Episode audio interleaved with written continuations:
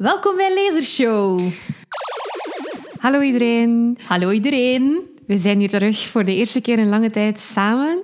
Ja, het is de eerste keer sinds corona dat we samen uh, terug achter de microfoon zitten in éénzelfde ruimte. Aan de keukentafel, maar met een veilige afstand toch Ja. wel tussen Ja. ons nog. Ja. Ga je straks de microfoon eh, ontsmetten met Dettol? Eh, misschien of in de wasmachine op 90 graden. Eh, we gaan zien, Pauline.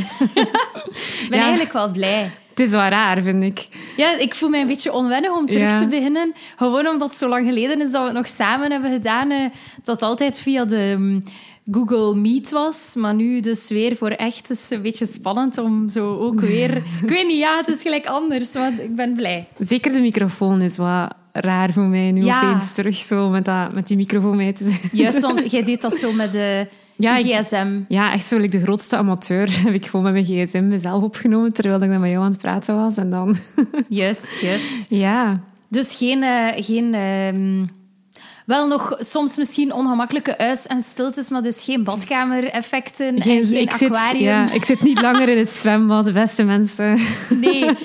Dat, was het, dat was het moeilijkste met die podcast, zo van thuis uit. Dat ik dacht van, ja, de kwaliteit is echt wel niet hetzelfde. Ehm, als je zo'n micro hebt zoals nu, klinkt het echt wel veel zuiverder dan ja, de twee laatste afleveringen. Ja, maar ik vond het in, aan het begin wel bemoedigend dat ook zo grote podcasts, dat die ook heel amateuristisch klonken, omdat die ook allemaal van thuis zo moesten inloggen en dat ook niet altijd iedereen die technische kennis had die misschien nodig was.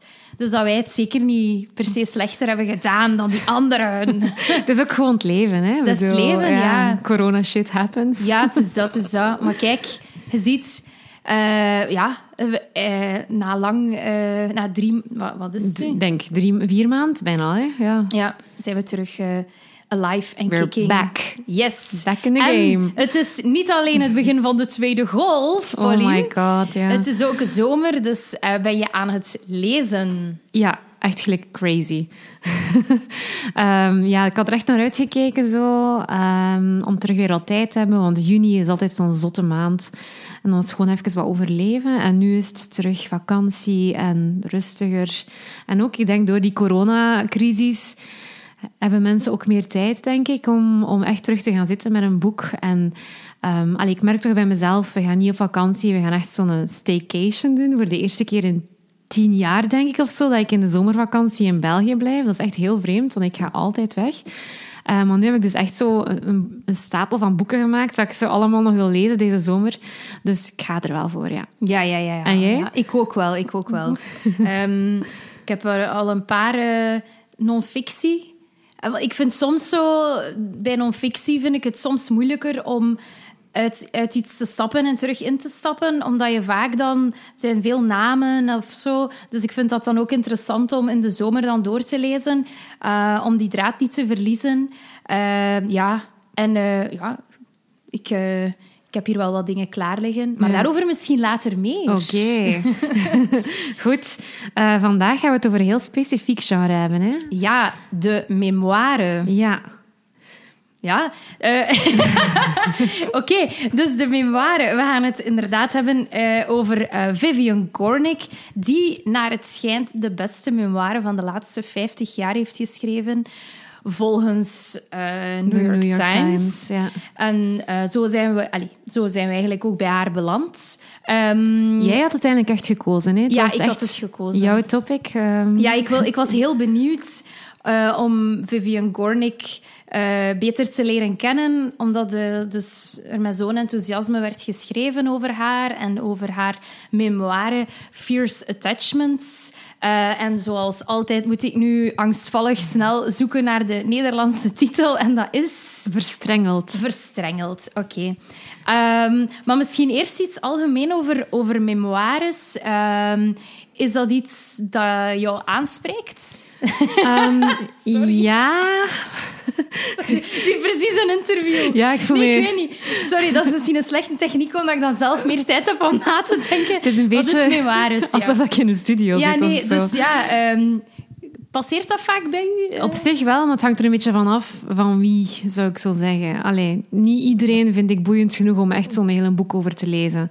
Het is wel zo... Allee, wat dat je zo hebt, heel vaak bij memoires, dat zijn echt zo van die ja, ego-documenten. En soms kan dat wel ook voor mij wel storend werken. Ehm, bij Vivian, ik ga haar Vivian noemen, hè. Ehm, Vivian. had ik dat soms ook zo'n beetje.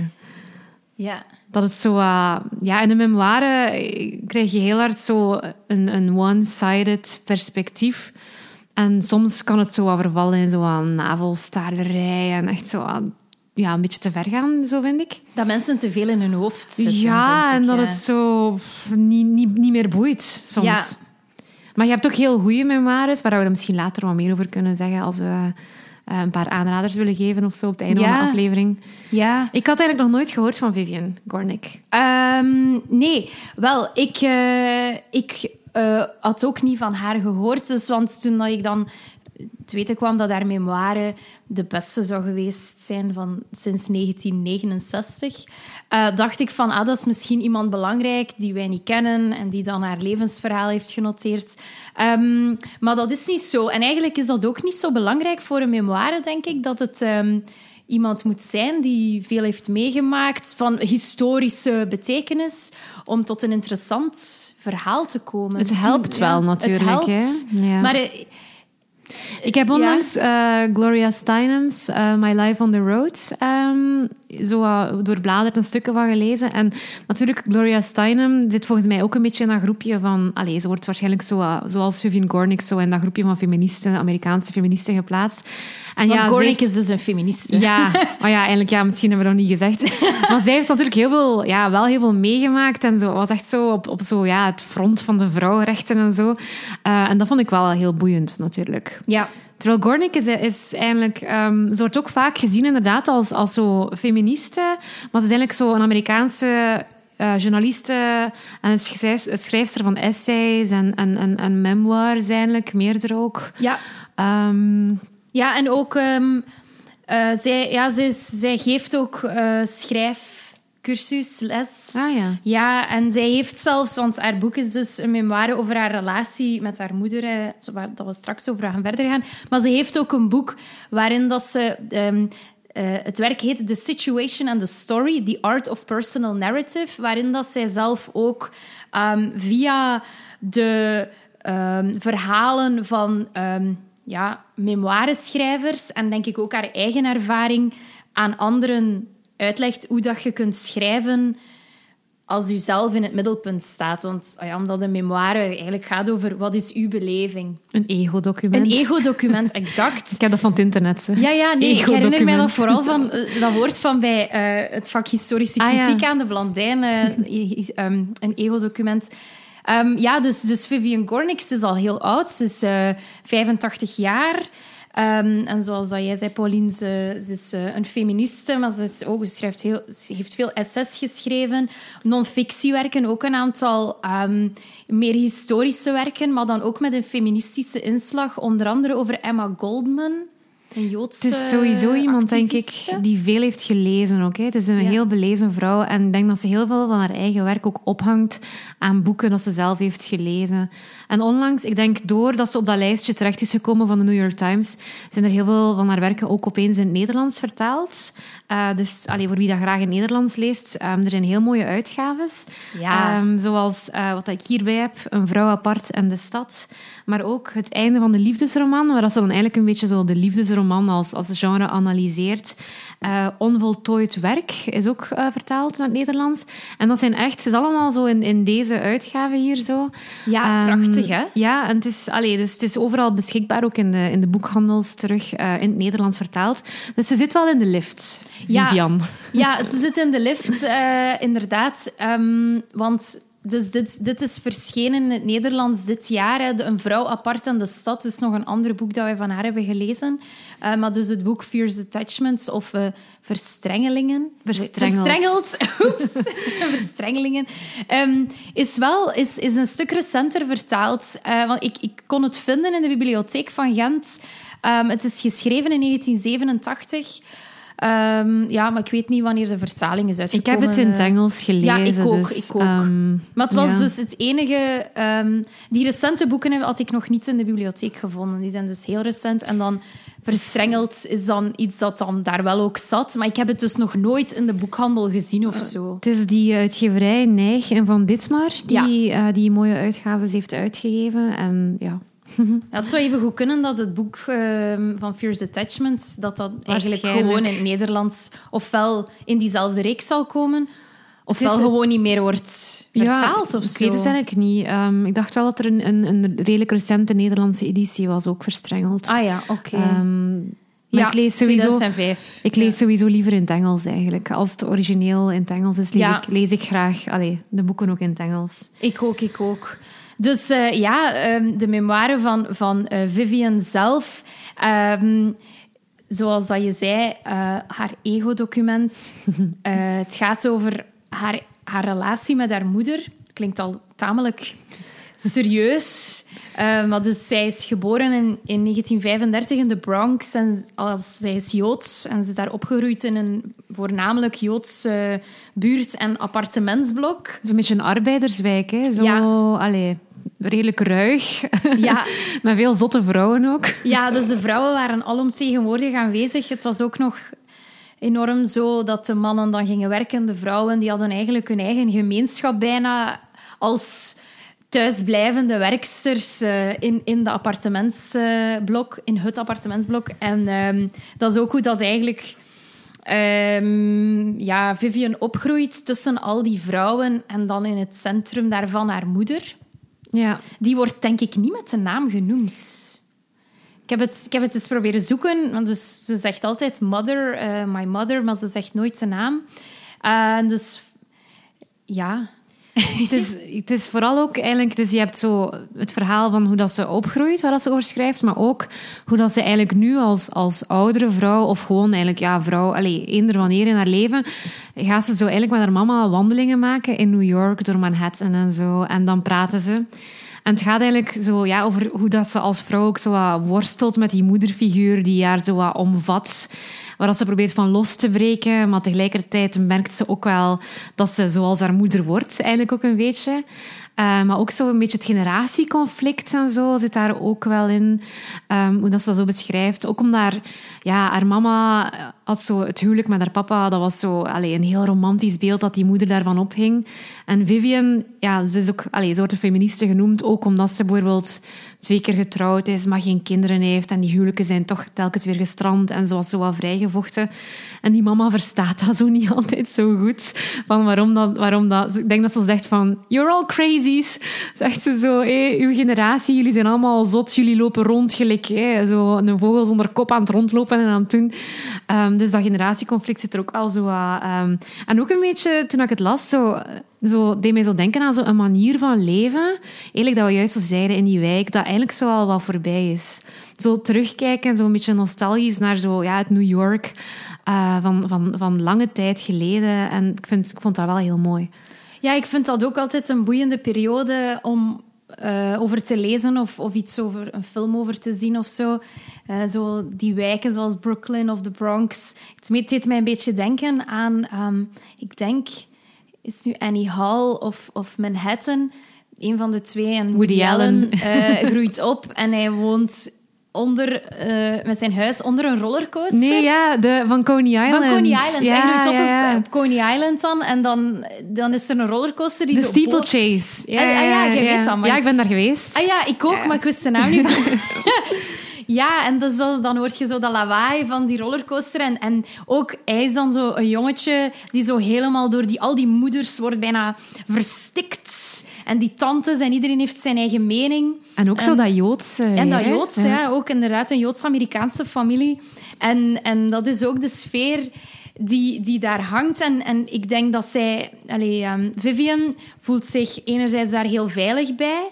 Want dat is ook wel... Iedereen kent elkaar en zij, ja, zij, zij zit daartussen. Maar anderzijds natuurlijk voelt ze dat, ze daar, dat zij niet zo is. En, en, en ik denk dat die moeder zelf ook eigenlijk een gelijkaardig conflict had in zichzelf. maar dan veel in een andere tijd leefde en dat dat gewoon niet aan de orde was en dat ze daardoor ook het huwelijk met, hun va met haar vader zo ehm, ja, verafgoden. Omdat ze gewoon, heeft. ze had geen andere keuze. Ja. Ze mocht ook niet gaan werken van die papa, hè? was dat niet ook? Ah, dat zou kunnen, ja. Ja, dus, dus zo van, ze heeft haar keuze gemaakt voor dat huwelijk, omdat dat nu eenmaal was wat dat je deed. En dan heeft ze dat zo wat beginnen, inderdaad, zo ja, super mooi beginnen voorstellen in haar hoofd. En als de papa dan ook sterft, dan is er precies een stuk van die moeder dat, dat gewoon meesterft. En dan kan die zo niks anders meer doen dan in de zetel liggen en naar buiten kijken. En dat is ook waar, dat, waar dat Vivian dan heel hard mee worstelt. Um, met zo'n beetje ja, die depressieve moeder. Ja. Um, dat dat heel moeilijk is om mee, mee om te gaan ook. Uh, ja, want op, op, het moment dat die vader sterft, is Vivian, denk 14 jaar of zo, of misschien nog jonger. Ik weet het niet goed meer, ja. Uh, en, en die moeder, die cultiveert dan echt het verdriet. En het zo. lijden. En het lijden. Ja. Ze is echt zo een lijdende, wat is dat, een pieta? Ja. ja. Um, want, zo, want dan... dan um, praat ze ook over... over um, dus ja, ik denk, gelijk dat ik al eerder zei, die, die mama die, die worstelt dan ook met, met zichzelf, denk ik, als vrouw en wie dat ze is. En dat ze dan die huismoeder is. En dan vooraf, voorafgoot ze haar eigen huwelijk en haar partner. En dan, als die sterft, dan wordt dat rouwen precies haar identiteit. En dan, ik had zo een stukje opgeschreven van... Um, Mourning Papa became her profession, her identity, her persona. It elevated her in her own eyes, made of her a spiritually significant person, lent richness to her gloom and rhetoric to her speech. Ja, het is deel geworden van haar identiteit. Ja, en ook zo de rhetoric. Ja. Zo de, zij voelt zich ook, die moeder voelt zich altijd precies verheven boven de andere vrouwen in, in de wijk, in haar relatie, in zo. Ugh, die anderen, dat zijn, eh, die doen maar huishoudelijk werk. Maar ik weet wel hoe dat er echt aan toe gaat in de wereld. Maar toch blijft ze waar maar ze, ze is. was ook actief in de vakbond. Hè? Ja. Zo, de, zo dat hele de, de socialist uh, story en zo de, de trade unions. Communist En, communist, zelfs, ja. ja. Die gaan dan zo samen op weekend naar zo, zo denk ik, zo'n buitenwijk. Waar is dat ergens? In de state of New York ook, denk ik. Ja. Uh, en dan zitten al die communist families zo samen. Um, ja, het was... Allee, het is een periode dat, dat tot wel, allee, echt wel tot de verbeelding spreekt eigenlijk ook. Hè? Ja. Ja. Er was, in mijn hoofd lijkt het dat er toen zo nog sociale mobiliteit meer mogelijk was Mm. dan nu soms. Zo het verhaal van de, de rags to riches. From zero to hero. Ja, zero to hero. Dat dat toen... Ik weet niet waarom, maar dat ik dacht zo... Mensen geraakten misschien in sommige situaties makkelijker zo nog ergens... Maar ja, misschien is dat ook maar hier geromantiseerd. Toch, ja, hier vind ik dat wel... Allee, wat je nu zegt, hey, van, van er zo uit te geraken. Vivian probeert dat wel. Ik denk dat ze ook dan zo... Op een gegeven moment gaat ze naar de West Coast, denk ik. Mm. En ze trouwt daar ook met die, met die een artiest. Dus ze probeert wel zo like, een andere weg te kiezen... Maar uiteindelijk belandt ze toch terug in, in die stad New York. En, en al, wordt ze een vrouw op leeftijd die dan toch met haar mama dan door die straten slentert. En zo naar, nog altijd zo naar, naar zo voordrachten gaat van socialisten en Ja. zo. En, of zo gratis tickets voor de opera was of de Met of zo. Ja, juist, juist, juist. Ja, en iedereen kent die moeder ook vaak. Hè. Dat is echt zo'n figuur. Um, ik moest er soms ook wel mee lachen zo, met die moeder. Um, ik wou ze even een keer zien. Ik denk op pagina... Um, wacht, hè. Even pagina 31 had ik zo onderlijnd. Um, wat ik daarnet zei, hè, dat Vivian had zo'n slechte dag. En ze zegt zo... It's a bad day for me. I'm feeling fat and lonely, trapped in my lousy life. En dan, ze voelt zich dus zo, dan besluit ze om een dagje te gaan wandelen met haar moeder. Wat dan misschien niet het beste idee is op dat moment, want die moeder die begint dan zo weer een tirade af te steken. En die zegt dan zo... Um, can you believe this? It's a world full of crazies, divorce everywhere, and if not divorce, this. What a generation you all are. En dan zegt zij, don't start, ma. I say, I don't want to hear that bullshit again. Bullshit here, bullshit there, she says. It's still true. Whatever else we did, we didn't fall apart in the streets like you're all doing. We had order, quiet, dignity. Families stayed together and people lived decent lives. Ja, maar dan is, komt daar niet vlak na dan dat er toch gelijk een soort verzachting op is in een, Ja, discussie? Maar vaak is het zo, hè. ze hebben dan Ja. een conflict en het wordt lelijk en ze zeggen echt zo... Allez, zo de, de vocabulaire wordt ook al zo wat scherper naar elkaar toe. Maar dan, hoe ver dat dan uit elkaar loopt, komt er dan toch vaak weer zo tussen die twee vrouwen toch een soort van ja, tegemoetkoming. En, en zien ze ergens ook wel het punt. Ja. Op het einde ook heel hard. Hè. Ja. Ehm, dan ook met, met die abortus waar ze dan zo over praten. Ehm, ja. Ja, dat is juist. Eh, ik, moest ik moest in mezelf denken als je dat nu voorlas, dat ze ook zo zegt tegen mensen op straat: She hates me, this one. She doesn't love me, my daughter. Ik dacht zo, mens. Maar soms, dat, dat maakt het ook wel grappig. Ja. Allee, like Ja. dat wat je net zei, als ze dan echt zo bij de zo, ja, medeleven zoekt bij andere mensen op straat, ik vond dat echt hilarisch, want ik zie dat ook zo voor mij. Dat is echt bijna uit een Woody Allen film of Ja. zo. Hè? Ja, dat klopt. Er, ja, zit, zo er zit humor in, in, in, Ja. in dit boek ook. hè. Het is soms zo heel, wel zo psychologisch en er worden linken gelegd naar literatuur ook en zo, maar het is ook wel... Want er was ook een stukje waar ze dan over haar eigen huwelijk schrijft, dat ik ook onderlijnd had. Want allee, ze, heeft dan iemand gevonden met wie dus ze gaat trouwen. En ze proberen echt zo heel hard om, om dat huwelijk te doen laten werken.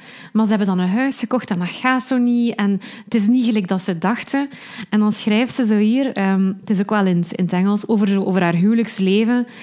I remember uh, taking an hour and a half to prepare some god awful casserole dish out of a woman's magazine. The two of us wolfing it down in 10 minutes.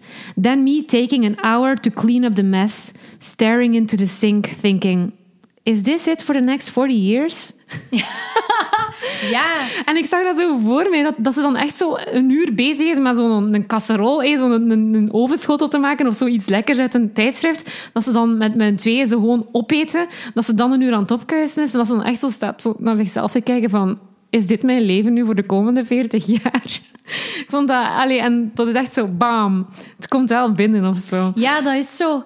Ja, dat, dat, die, het feit dat ze zo geen, geen aanleg heeft voor die domestic... vrouwelijke Ja. ja, domestic goddess. Eh, Ja. Dat ze zo wel in de jaren 50, 60 zo het beeld van die American housewife. Dat, dat zit niet in haar, hè? Nee, nee. En, en ehm, die moeder representeert dat wel voor een deel. Want ook al, ja, die moeder heeft ook wel conflicten in zichzelf. Maar ze kan het wel allemaal. En, en ze is daar ook wel trots op. Dat bij haar wel alles proper ligt. En dat zij geen moeite moet doen om, om voor de dood van die papa dan, hè, van alles op tafel te zetten en zo. Want dan heb je ook nog een andere vrouw die, die een belangrijke rol speelt voor, ehm, voor Vivian. En dat is Nettie.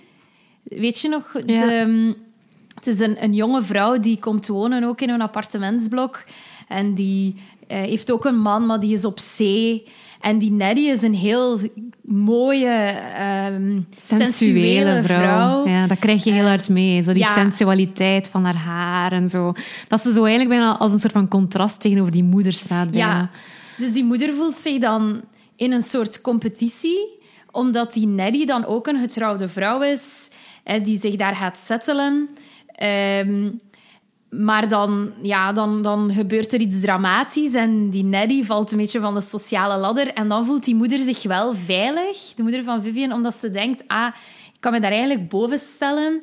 Want eh, nu is zij gewoon een beetje zo een gevallen Een outcast. schoonheid. Ja, want Ja. Dan, dan zegt Vivian van... ehm, wacht, ik had, ik had hier ergens iets geschreven.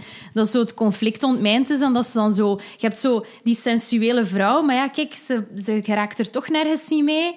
Dus het is beter om dan maar huishoudelijk te zijn, want dan kun je de bovenhand halen. Dat, dat vond ik zo wel het idee van die moeder. Ja, Ehm, Nettie, Nettie is ook zo'n beetje zo eerder zo... Ja, die representeert ook zo meer die seksualiteit. En, en terwijl die moeder zo eerder zo preus met, met haar man zo is. Allee, het is zo een heel verschillend vrouwbeeld ook op, op een manier, hè, die Ja. Nettie. Hoe dat zij beschreven wordt. Dat is juist. Ehm, ze, ze zegt dan zo van... eh, her unexpected widowhood made Nettie safely pathetic and safely other. My, mo- my mother could now sustain Nettie's beauty without becoming unbalanced. And Nettie could help herself to mama's respectability without being humbled. Ze hadden elkaar gelijk gevonden in Ja, een halve miserie. Ehm, en die is ook dan zo, die heeft dan een kind en dan, oh, ik denk eigenlijk trouwens dat dat een prostituee was en dat ze dan een vent had en dat dat dan is mislukt en dat hij dan terug een prostituee is Ja, die geworden. vent was ook zo'n matroos. Hè, en die besloeg haar dan, eh, ja. Ja, maar ook, allee, veel van die vrouwen die in die blokken wonen, het begint ook zo, dat boek, denk ik, hè, dat, dat, zo, dat ze echt zo zeggen dat die vrouwen zo, echt zo zot worden. Ehm, en, en omdat die ook zo ah, ja, gevangen zitten in van die huwelijken, dat ook niet zo ideaal zijn. Ik weet, dat zo, allee, daar begon dat boek zo aan mee, denk ik. Hè? Ja. Ehm, En, Ja. en ook, je hebt ook nog, nog een andere buurvrouw die dan het, het, de moeder is van haar vriendinnetje.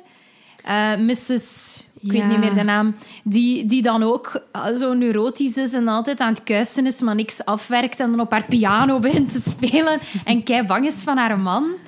En, en, te- en die hebben tegelijkertijd ook heel veel seks. In, in het hoofd van Vivian is dat zo dan het ongebalanceerde koppel met die een agressieve vader of die een passief-agressieve vader en die neurotische moeder die, dan, die ze dan per ongeluk is betrappen op seks, zij en haar vriendin. En dan haar ouders die dan zelfs geen eigen slaapkamer hebben en gewoon in de living slapen en die dan een seksloos huwelijk lijken te hebben. ja, Dat is eigenlijk alsof dat die twee dingen, dat je zo een keuze moet maken. Dat dat zo twee krachten zijn ja, die, die tegen elkaar opvechten. die en niet dat je samen lijkt- kunnen. Ja, Ja, ja. ja. hier had ik het gevonden. Ik denk echt zo wel op pagina 5 begint ze al zo met te zeggen van... eh, it was sexual rage that made them so crazy. eh, de vrouwen in die blok, ja. En dan zegt die moeder zo op een gegeven moment... ehm, The European men, they were animals. Just plain animals. Zo van, ja, die mannen die uit Europa naar, naar de VS zijn gekomen, dat zijn gewoon pure beesten. en, en dat zorgt ervoor dat die vrouwen zo zot komen. Ehm, ja, Ja. Just. Ja. Wat vond je van de titel? Fierce Attachment, verstrengeld. Ja, Het is wel duidelijk, het klopt wel. Ja. Ja. Want eerst dacht ik zo van, allee, ja, een moeder-dochterrelatie. Vaak ehm, heb ik daar zo wel eerder een idyllisch beeld van, omdat ik met mijn mama heel goed overeenkom. Maar ja, hier zie je echt zo wel dat dat ook heel hard kan wringen. En vandaar ook Ja. de, de fierce, denk ik, attachment. Zo, ja. Ja, zo naar aanleiding van de dood van die vader zegt, zegt Gornick dan van... eh, Mama was where I belonged. With mama, the issue was clear. I had trouble breathing, but I was safe. En ik vind dat wel zo... Dat is die tegenstrijdigheid van... Ja, ik wil die moeder en dat is veilig, maar het is ook ongezond. En die continue... Ja, attachment en detachment uiteindelijk... ja. Want op, op het einde van, van, eh, van, haar, van haar boek zegt ze dan van dat ze misschien wat meer rust hebben gevonden. Ehm, en, en dat ze minder die conflicten gaan opzoeken. En dat dat haar dan het gevoel heeft dat zij toch nog een plaats heeft waar ze zichzelf kan zijn zonder haar moeder in haar hoofd. ja. En dan dacht ik, ja, dat, dat is... eh, ja, dan Ja. is er toch misschien een soort... Hoe zeg je dat? Een soort eh, bevrijding eh, in die relatie. Ik weet het Ja. niet. Ja, ik vond ehm, het andere boek dat we gelezen hebben van haar, Een vrouw apart en de stad. Ehm, The Odd Woman is, denk ik... ehm The Odd Woman and the City is de Engelse titel. Ehm, vond ik daar wel ook mooi bij aansluiten. Ik vond het zo mooi om die twee boeken samen te lezen. Ehm, omdat daar is het eigenlijk opnieuw de Vivian die we al kennen. Maar ze, en opnieuw is het zo een soort van...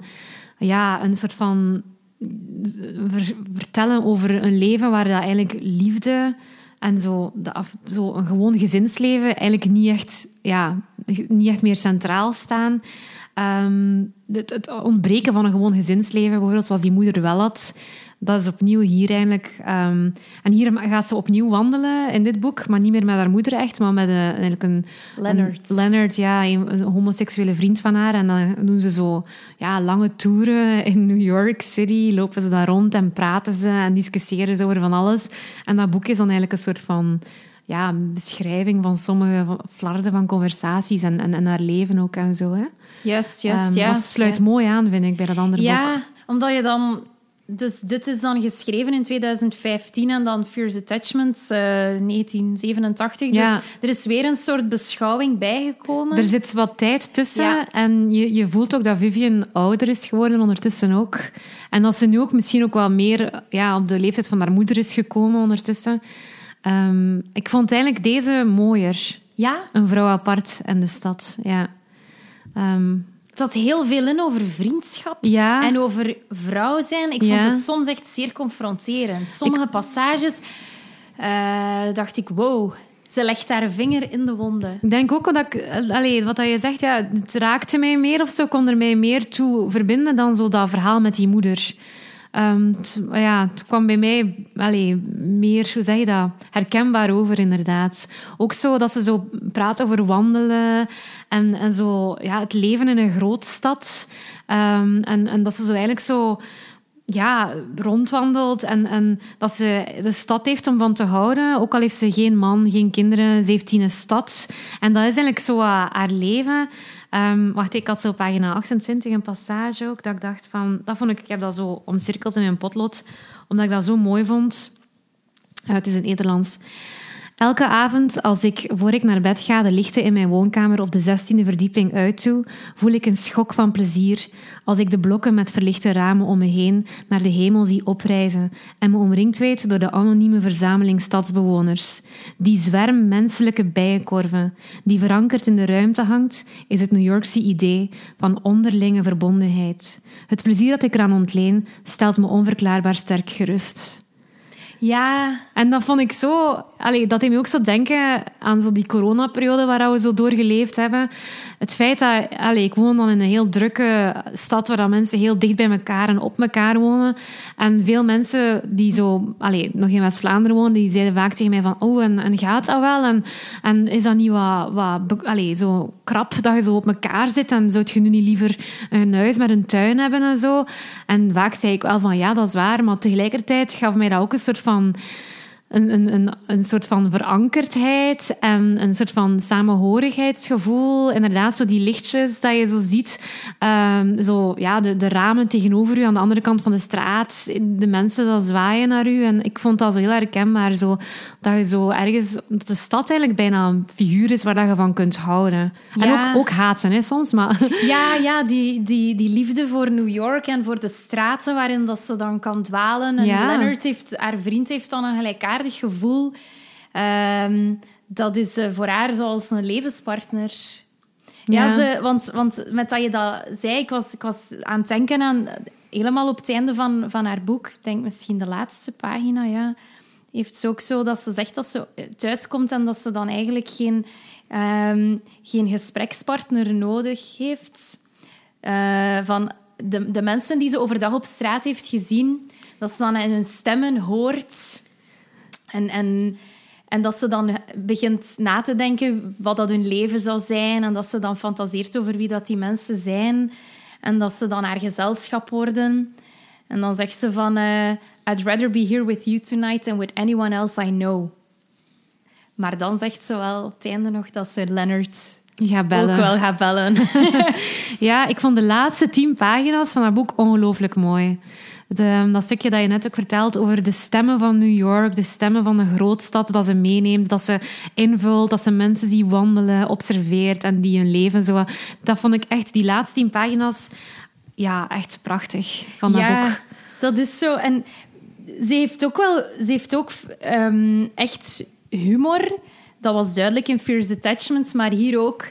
Als ze zo flarden van gesprekken um, daar dan tussen schrijft, dan is dat gewoon zo'n klein dialoogje dat ze dan hoort in de metro van zo twee vrouwen die zo over iets heel random praten en dan schrijft ze dat ook op. En ik kan het hier nu niet meteen vinden, want die e-reader vind ik nu zo stom. Ah, ja. Maar, um, ja, we gaan, we gaan het hier moeten verschuldigd blijven aan onze luisteraars. Ja, ehm. anders kan ik ondertussen een beetje over de titel praten, ah, ja. terwijl, dat je, terwijl dat je het opzoekt. Ah. Ja, de titel is dus Een vrouw apart en de stad. En ik vond dat zo zo raar, zo een vrouw apart. En dan dacht ik zo van, ja, wat bedoelen ze daarmee? Het feit dat ze gewoon nog altijd single is op latere leeftijd? Of dat ze dan niet echt een familie heeft? Buiten dan zo haar family, hey, Leonard en, en zo mensen die zij zo heeft uitverkoren.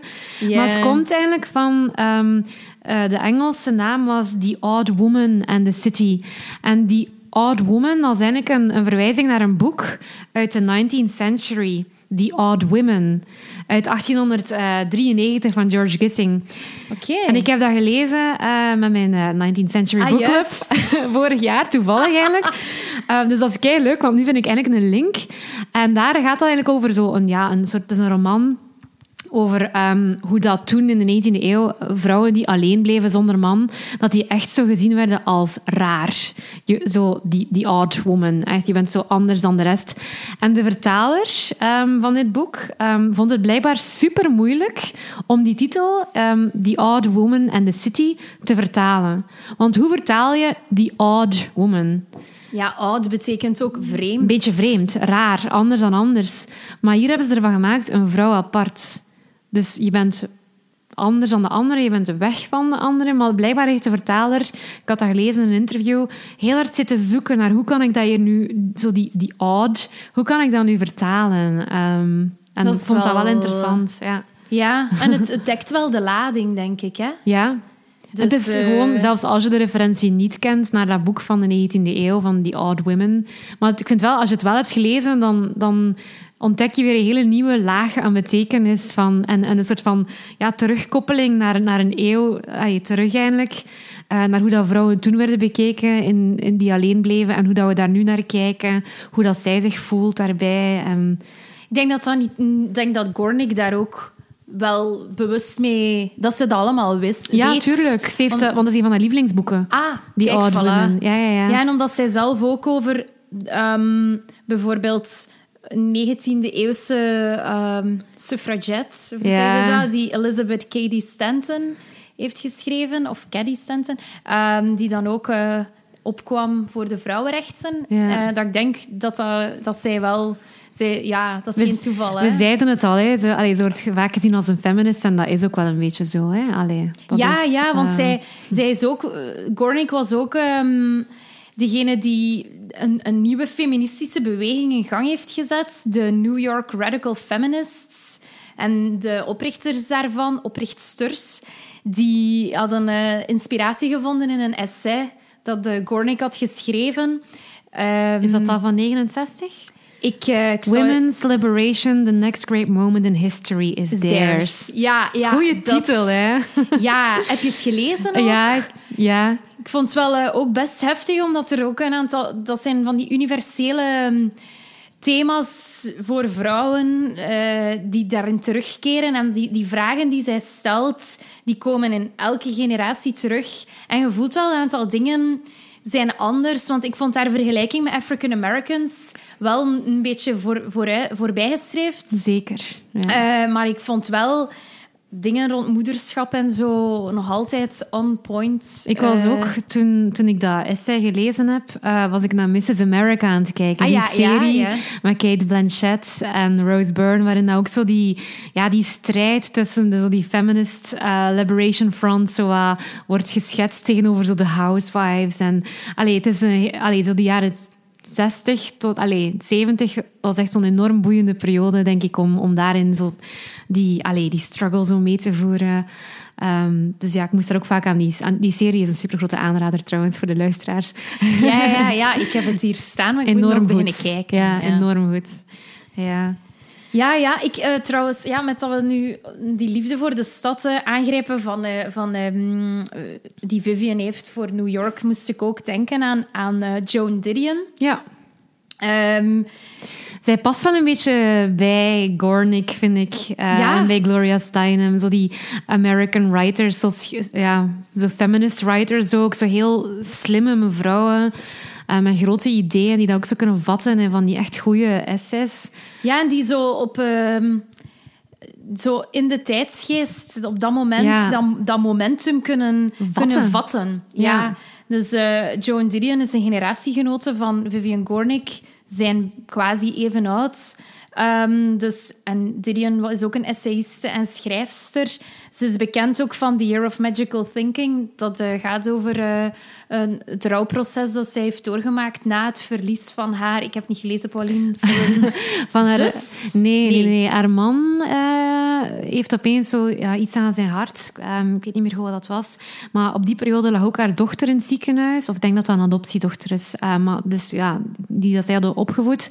En dus dat boek gaat eigenlijk... Het is een heel dun boek, hoor. Ik heb het hierbij. Het gaat eigenlijk over ehm, ja, het verlies van haar man aan die hartattack. Um, die dochter die ziek in dat ziekenhuis ligt. En dat doet haar zo nadenken over haar leven. En het is eigenlijk een soort van ja, ontmanteling of analyse van huwelijk. Uh, van het huwelijk en van, van rouwen. Um, het feit dat als je zo met zo in zo'n korte periode met zo'n zware feiten geconfronteerd wordt, dat eigenlijk zo uw ideeën rond, rond de dood en, en rond het leven en wat is familie, dat dat zo allemaal ja, wat op losse schroeven wordt gezet, eigenlijk. Um, ja, ja, En dus... hoe dat je daarmee moet omgaan, zo de, de magical thinking. Um, het is wel echt... Ik denk, ik heb het gelezen en ik vond het eigenlijk niet zo wauw, maar ik denk omdat ja, omdat ik het gewoon ook nog niet goed versta, denk ik. Omdat ik denk, als je, misschien als je wel echt rouwt om iemand, dat het wel enorm veel voor u kan betekenen. Maar ik had het zo gelezen op een gewone, ik denk vorige zomer. En dat, ja, ik had er zo precies nog niet veel aan. Maar ik denk wel, als je dat op het juiste moment in je leven leest, dat je wel enorm veel eraan kan hebben. Ja, het wordt aangeraden als... Het is eigenlijk over rouwen en, en over ja, verdriet en ermee omgaan. Dat dat, ja, dat, dat wel zou kunnen... een, een een, ja, een troost Er staat, er staat een supermooie documentaire ook op Netflix over Joan Didion, waarin je ook zo meer leert over haar en dat huwelijk dat ze had, hoe close dat die waren. Um, The Center Cannot Hold is uh, de naam van de documentaire, ah, ja. denk ik, op dat Netflix. Is ook, uh, ook, is dat niet van Yates? Ja, Yates. Ja. Dus de, de, de, The Second Coming noemt ja. dat gedicht. Ja. Um, de, dus zij heeft dan The Year of Magical Thinking geschreven, maar zij heeft ook Slouching Towards Bethlehem geschreven, wat niet in het Nederlands vertaald is, maar wel een enorm mooie cover dat je ja, Met een, zo... stoere foto van Joan Didion met haar zonnebril op. Iconische beeld van Joan, zo met die zonnebril en dat haar, dat kapsel zo. Ja. Cool, hè? Ja, ja ze... ze um, ben mijn draad kwijt. Ah, niet, je zei dat het niet vertaald was. Het is niet vertaald in Nederlands. Uh, wel, dus nog maar sinds een paar maanden is er uh, van Joan Didion een uh, bundel uitgekomen met haar beste essays. Uh, waaronder, ik vermoed, een aantal uit Slouching Towards Bethlehem. Um, en een groot deel van die SS gaat ook over dat zij als uh, journaliste trekt naar um, de hippiebeweging uh, in Californië. Zalig. En dat ze daar als een soort embedded journalist dus mee die beleving heeft van die sociale... Ja, hoe dat, die, ja, dat, alles was aan het trillen, was aan het, aan het veranderen. En, en die, die counterculture. En zij... Dus, dus je, hebt, je hebt twee delen van Slouching Towards Bethlehem. Je hebt Lifestyles in the Golden Land. En dat gaat dan over ja, dat zij daar naartoe trekt. En dan personals zijn eerder een beetje meer persoonlijke essays. Um, en daarin heb je dan uh, ook eentje dat gaat over haar, haar beleving van New York City als stad. Uh, want um, Didion was afkomstig van Californië. Ja, ze is echt zo West Coast. Ja, ze is van Sacramento. Ja. Uh, en daar heeft ze ook over geschreven, denk ik, zo een essay van hoe dat, dat voelt om dat achter u te laten, zo ja. Sacramento. Ah, effectief over haar stadje. Of stad, ja, of, waarschijnlijk of, Misschien ben ik aan het verwarren met iets anders, maar ik denk dat. Ja, het zou kunnen, alleszins in, in dus ze heeft een essay ah, geschreven, Goodbye to All Dead, wat dan weer een verwijzing is naar George Orwell. Nee, ben Robert ik mis? Graves, denk ik. Robert Graves, wat ja. ik nu? Waarom denk ik George Orwell? Maybe because you like Farewell. George Orwell. Ja, Robert Graves, I, ja. Claudius. Uh, ja, ja, ja, dat, is een, dat is een memoir over zijn... Dat was ook een memoir. Eerste Wereldoorlog. Over zijn eh, ervaring in de Eerste Wereldoorlog en, en, de terugkomst van het front terug proberen in de maatschappij terug te...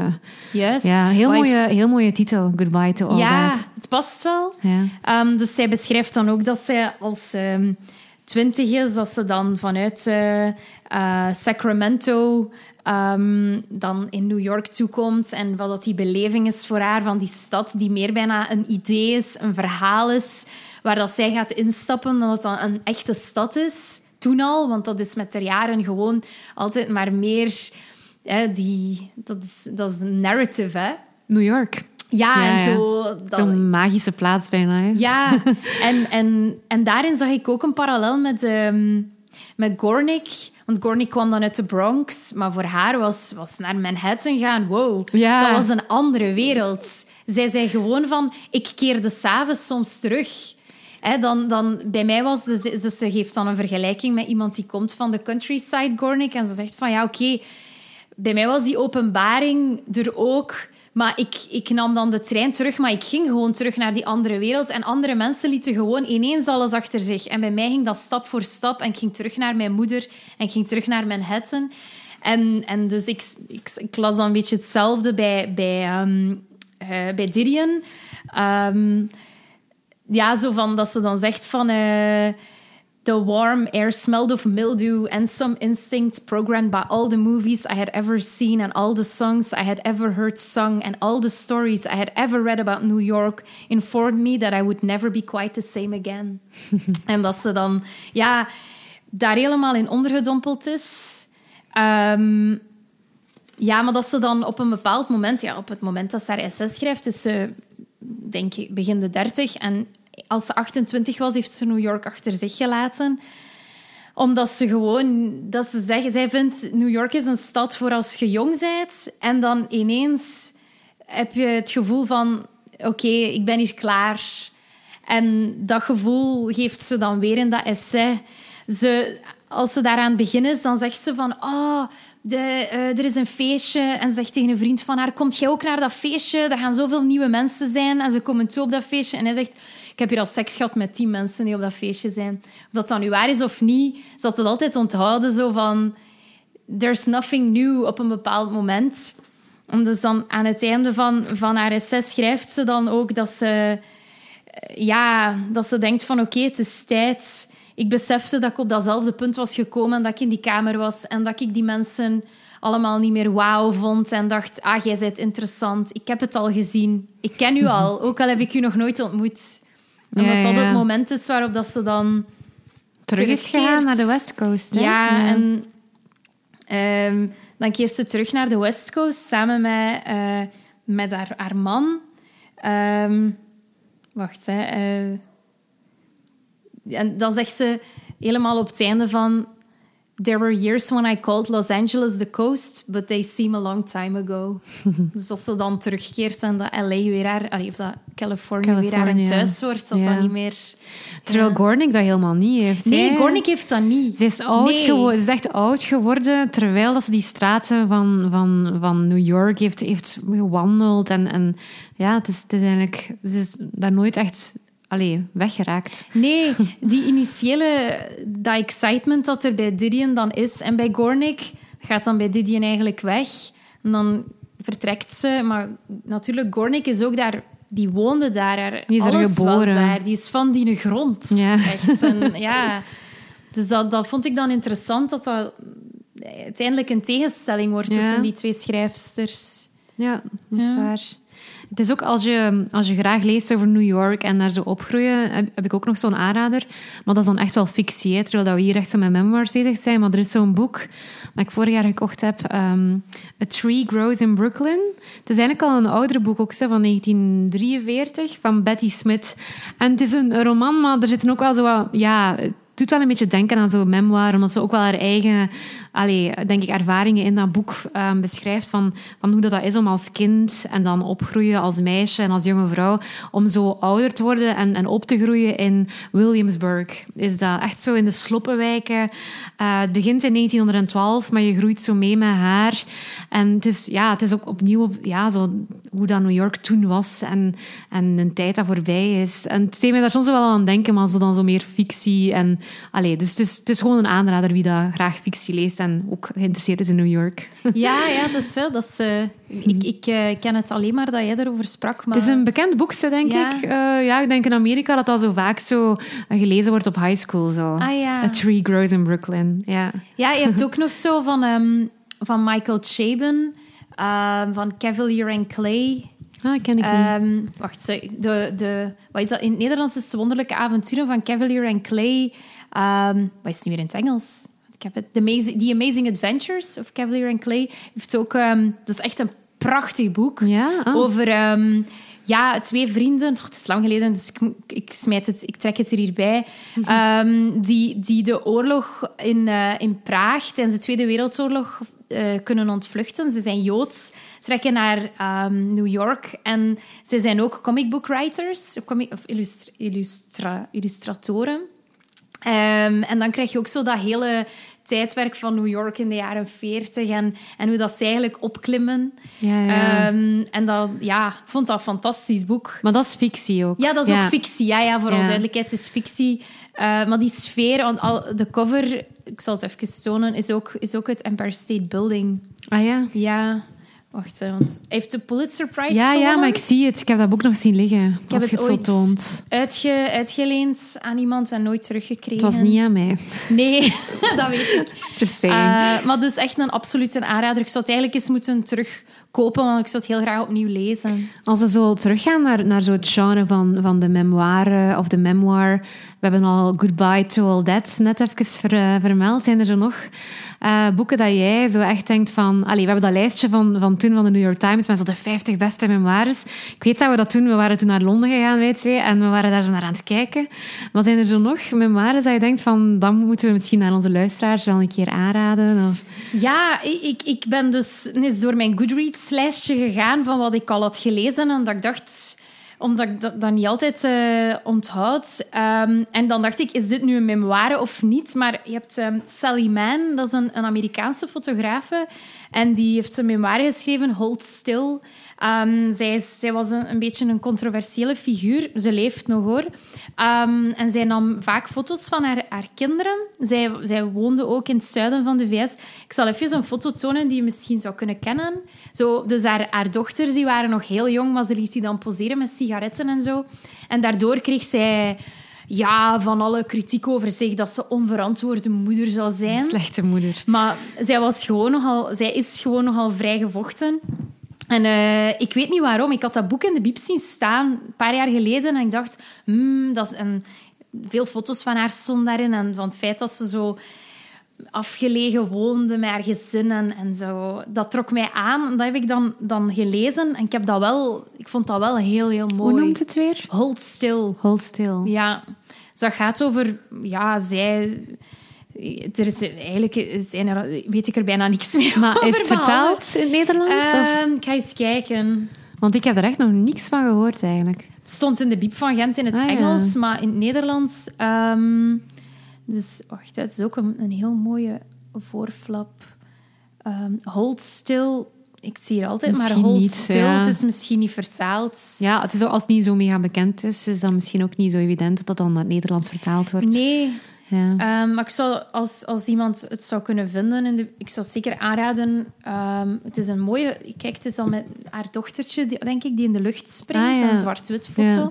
Het is vaak zo met zwart-wit covers. Hè? Ehm, Ja. Zo, toen we nu denken aan, aan een boek dat ik ook van jou ooit eens heb geleend, The Glass Castle. Ah ja. Dat is ja. ook een beetje een memoir, hè? Jeanette, Jeanette Walls, Ja, ja. dat is ook zo met zo dat, dat, dat zwart figuurtje op een witte cover.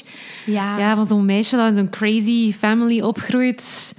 Eh, en, en ook geeducated. Ja, wel. Of leerschool. Ja, leerschool van In het Nederlands. Westover. Ja. Zeer warm aanbevolen Ja. van, onze, van ons alle twee. Ja. toch? Ja, dat, dat, ik denk zo die Glass Castle van Jeanette Walls en Educated van Tara Westover of Leerschool van Tara Westover en ook Hillbilly Elegy van Ja. J.D. Vance zijn allemaal boeken die zo gaan over ja, het Amerikaanse zuiden of zo de, de Appalachian Mountains, waar dat dan mensen... oh, Een beetje outsiders. ja, hè. Die- zo hillbillies. zo, Ja. ja, omdat dan, en, en die dan een wantrouwen hebben meteen over de overheid. En En, de staat. en dan ja, in hun ja. gezin zo excentrieke figuren die En daarin... die dan zo kiezen om hun kinderen ook echt zo extreem op te voeden, zo weg van de maatschappij. Ja. Ehm, ik denk zo bij, bij leerschool of educated is dat echt dan zo dat religieus fanatisme een beetje. Want dat waren... Oei, dat is mijn gsm, wacht. Oké, eh, Beatles. Een muzikaal intermezzo van Pauline.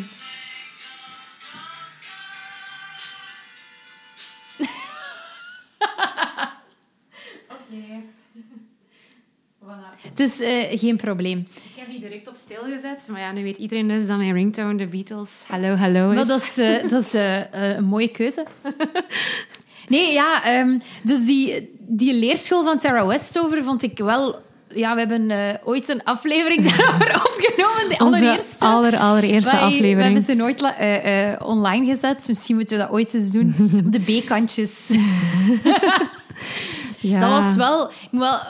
door, door te veel over Tara West over daarna te lezen en, en zo, kreeg ik dan zo wat dingen van, ja, alles wat ze schrijft is dat wel waar. En ze is mormoons en ze komt Ja, dan de op, mormonen, op ja. een berg in Idaho. en haar vader is, denkt dat de feds hem gaan vermoorden. Ja, en hij denkt dat de wereld gaat Ja, vergaan. ja, hè? hij denkt dat de apocalyps komt. Dan moeten ze allemaal Confituur eh, maken, ja. opgelegde. Pruimen, ja, ik weet het niet pruimen. meer. Ja. En dan, dan, dan hebben ze... Haar moeder is dan zo een kruidenvrouw, maar die is ook midden, ehm, eh, Ja, midden- vroedvrouw. vroedvrouw. Maar niemand vertrouwt haar, de dokters. Dus zij is dan de enige s- kwakzalver in de buurt. En dan is... Ah, dat is echt Ja. hallucinant, die verhalen. Moet je zeker lezen. Ik vind, ik vind Het is, het is wel ook een, een, wat we daarnet zeiden, zo van rags to riches. Het is echt zo iemand die zich vanuit de grond heeft opgewerkt, die geen, had zelfs geen geboorteakte, en, en ze heeft geen opvoeding of geen, geen, niet naar school mogen gaan van haar papa. En uiteindelijk eindigt ze wel in Harvard, denk ik, hè, of, of Cambridge, ik weet Ja. niet meer. Een van die Ivy League scholen, toch? Maar dan, was dat, dan Ja. wordt er zo gezegd van hoe kwam ze aan dat geld en la la la. Ja, ik weet het niet. Het is een dat- succesverhaal. Hè. Het is ook eh, allee, de reden waarom dat Bill Gates en Obama dat allemaal in hun top 10 hadden gezet dat jaar. Ik weet dat nog. Dat was echt enorm gehyped, dat boek. Ja, heel is- Amerikaans ook, ja, hè?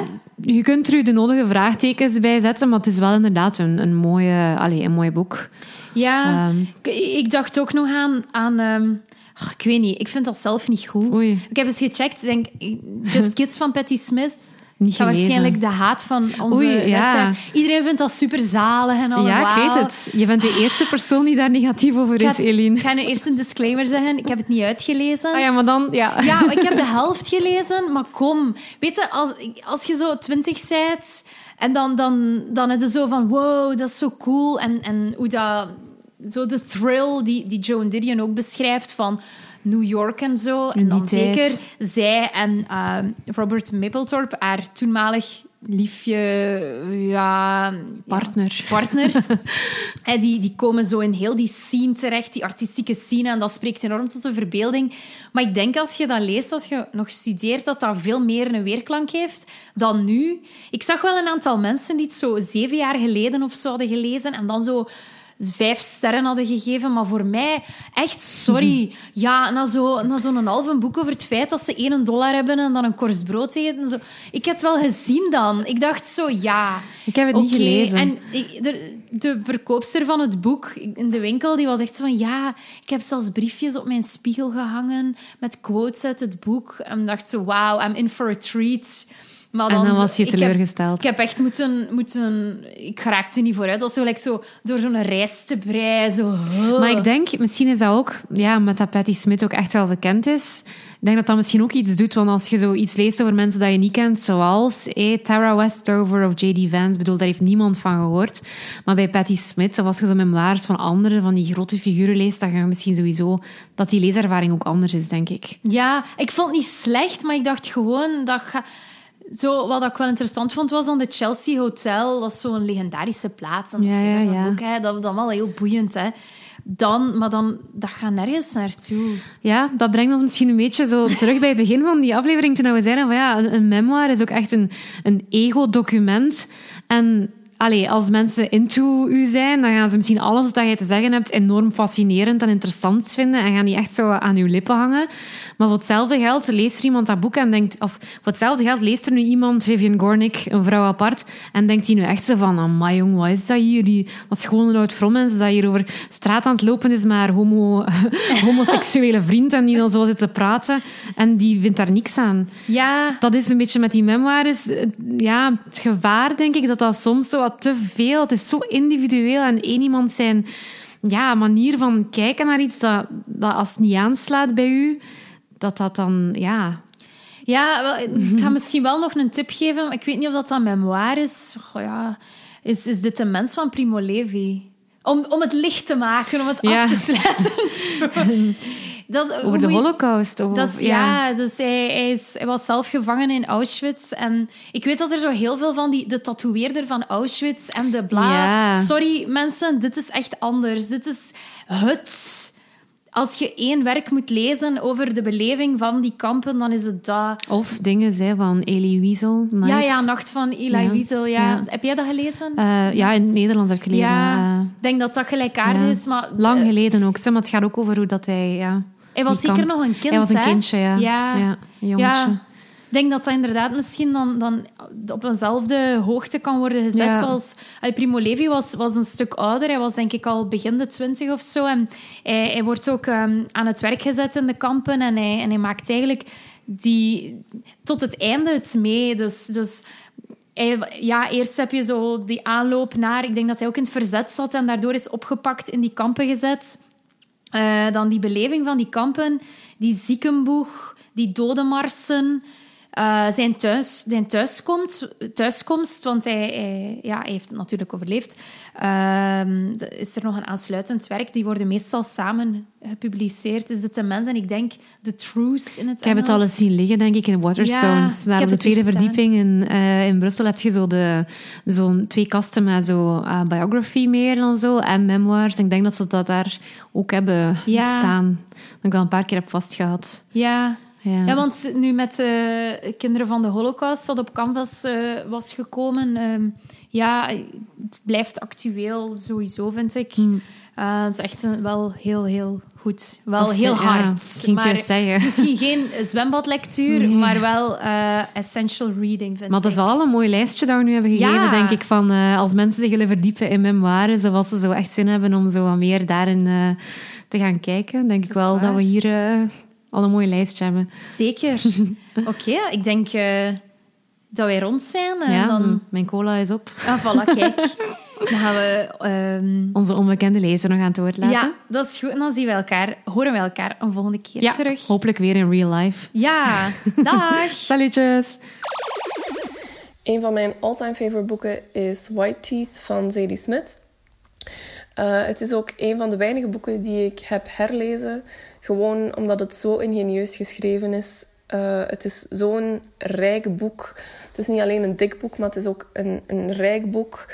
Ehm, dus ik zou het aan iedereen aanraden om het eh, minstens twee keer te lezen. Omdat je na... Ik had alleszins na één keer lezen het gevoel van... Ik heb het nog niet allemaal mee. Ehm, ik ga het nog eens lezen. Eh, en ja, je wilt ook eigenlijk de, de personages niet verlaten. Want denk dat dat een van de dingen is die het boek zo speciaal maken. Ze eh, kan zo goed het eh, gedachteproces van haar personages eh, beschrijven. En je, je weet zo goed van waar dat ze komen. Ehm, met, een, met een acties, met een ideeën, dat ook al ben je het er niet mee eens. Je, je hebt wel sympathie voor hen. Ehm, en ja, dat maakt dat, dat je heel het boek lang ja, geboeid blijft door, door de personages. En ehm, eigenlijk staan twee vrienden centraal eh, in het boek, eh, Archie en Samat, die elkaar leren kennen op het einde van de Tweede Wereldoorlog. Archie is Brit en Samat is van Bangladesh. En na de oorlog besluit Samat om met zijn vrouw te verhuizen naar Londen en zich daar te vestigen en daar zijn kinderen op te voeden. Uh, Archie besluit later om met een um, Jamaicaanse immigrante te trouwen. En het gaat eigenlijk over um, die twee families die dan later ook in contact komen met een derde familie, een Joodse familie. en hun levens geraken verweven met elkaar. Uh, en het gaat eigenlijk over de, de ervaring van de eerste generatie immigranten versus de um, ervaring van tweede generatie immigranten. In hoe zij kijken naar roots, identiteit, uh, dat soort zaken. Het is uh, heel uh, complex um, en ook heel actueel, vind ik. omdat je, ik, ik heb nog nooit een boek gelezen waar ik zo goed een beeld kreeg van hoe moeilijk en hoe complex het moet zijn voor tweede generatie migranten die vaak uh, landen zoals de UK in dit geval als thuisland beschouwen, hoe zij toch constant hun identiteit terug moeten negociëren omwille van hun afkomst. Um, dus als je daarin geïnteresseerd bent, dan kan ik uh, het alleen maar aanraden. Is daarnaast ook heel grappig. Uh, er zit veel situatiehumor in, um, veel spitsvondigheden. Uh, typisch een beetje series met haar stijl. Dus um, ja, ik kan het alleen maar aanraden.